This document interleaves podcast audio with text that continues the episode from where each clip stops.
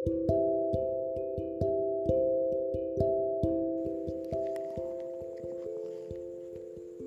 akhirnya, ular tak akan pernah sampai pada awan-awan yang indah. Dan kalaupun itu benar terjadi, burung-burung akan sangat setuju untuk rusuh mengusik nuansa di langit.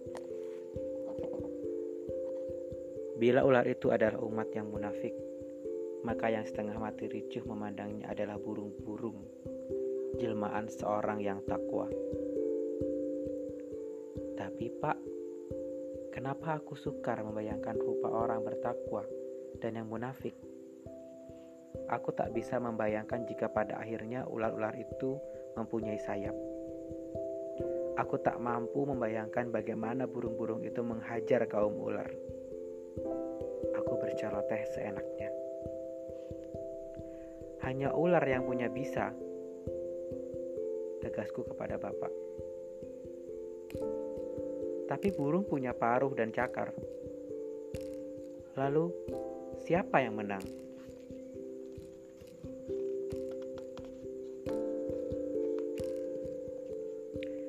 Yang menang adalah yang punya kuasa. Jawabanmu singkat tanpa bisa ku terjemahkan. Usia langit tahun ini sudah berapa? Aku terus berusaha membangkitkan kenangan ketika aku berbincang kepadamu dulu. Kau memang sering bergurau, tapi ketika itu aku tak pernah ketawa. Kau juga tak sedang menjadi tokoh komedi dalam sanggar teatermu. Kau pun tak sedang memainkan wajahmu yang tua dan lucu. Tapi aku selalu ragu.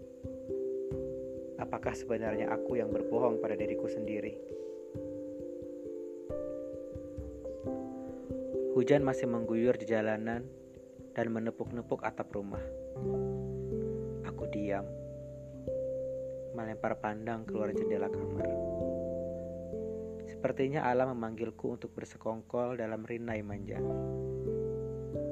Ah, aku tak bisa.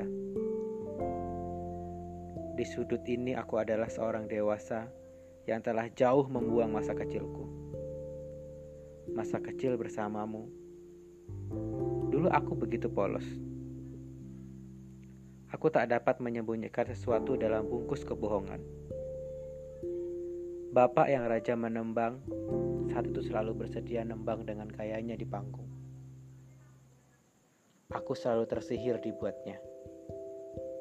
Misalnya ketika lampu di sedesa padam, kau mulai menghidupkan sigi dan membaringkanku di kedua kakimu. Lama-lama tembang itu semakin sayup, mengusap di telingaku. Kemudian tak aku dengar apa-apa lagi. Terlelap. Nak, kami semua terpana melihat kelahiranmu dulu. Bapak yang paling berbangga sebenarnya. Anak kelima bapak seorang laki-laki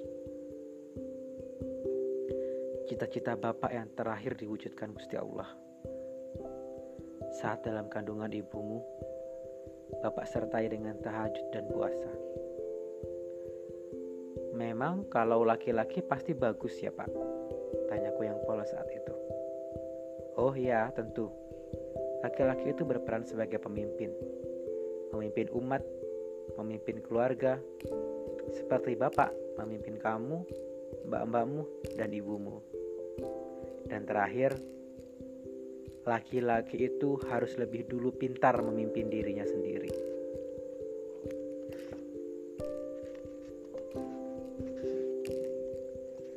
Terus, ibu bagaimana, Pak? Ibu perempuan, tapi kenapa jadi pemimpin pengajian? Iya, tapi itu pengajian untuk ibu-ibu, Nak. Tidak ada laki-lakinya. Jadi, ibu boleh jadi pemimpinnya laki-laki itu lebih diutamakan menjadi imam. Aku merasa kesal pada diriku yang bertanya macam-macam ketika kecil. Sebenarnya aku percaya dengan semua ucapan Bapak. Tapi mungkin aku juga benci percaya itu. Setelah air matamu yang terakhir terjatuh mengaliri pipimu yang tua, Aku telah berusaha keras menanamkan dalil-dalilmu yang begitu berat aku sanggah.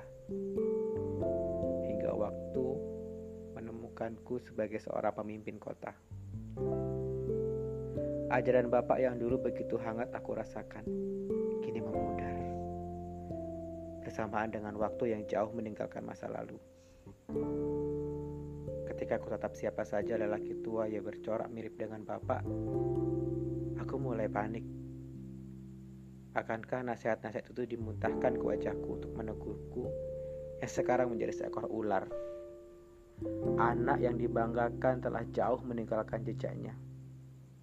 Aku pemimpin, bapak juga pemimpin.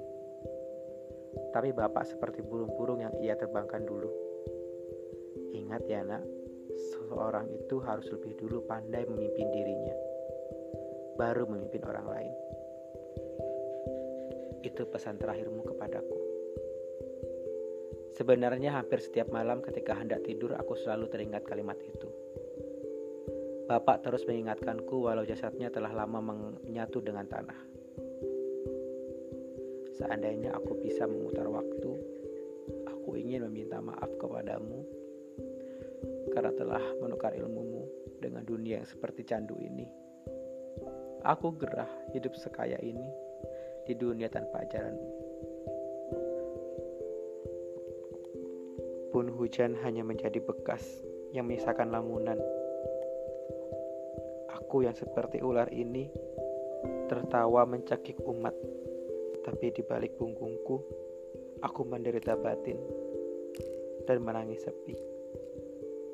Bapak, jika aku pulang kepadanya, aku tidak ingin menjadi orang miskin yang menemuimu. Tuhan juga tahu, sejak kecil aku lahir dari seorang burung yang memiliki sayap indah bukan ular yang berbisa. Perang batin di dadaku membuncah. Hanya seorang sepertimu yang membuatku ingin kembali pada masa lalu. Hanya ada bapak, aku, dan tembang itu.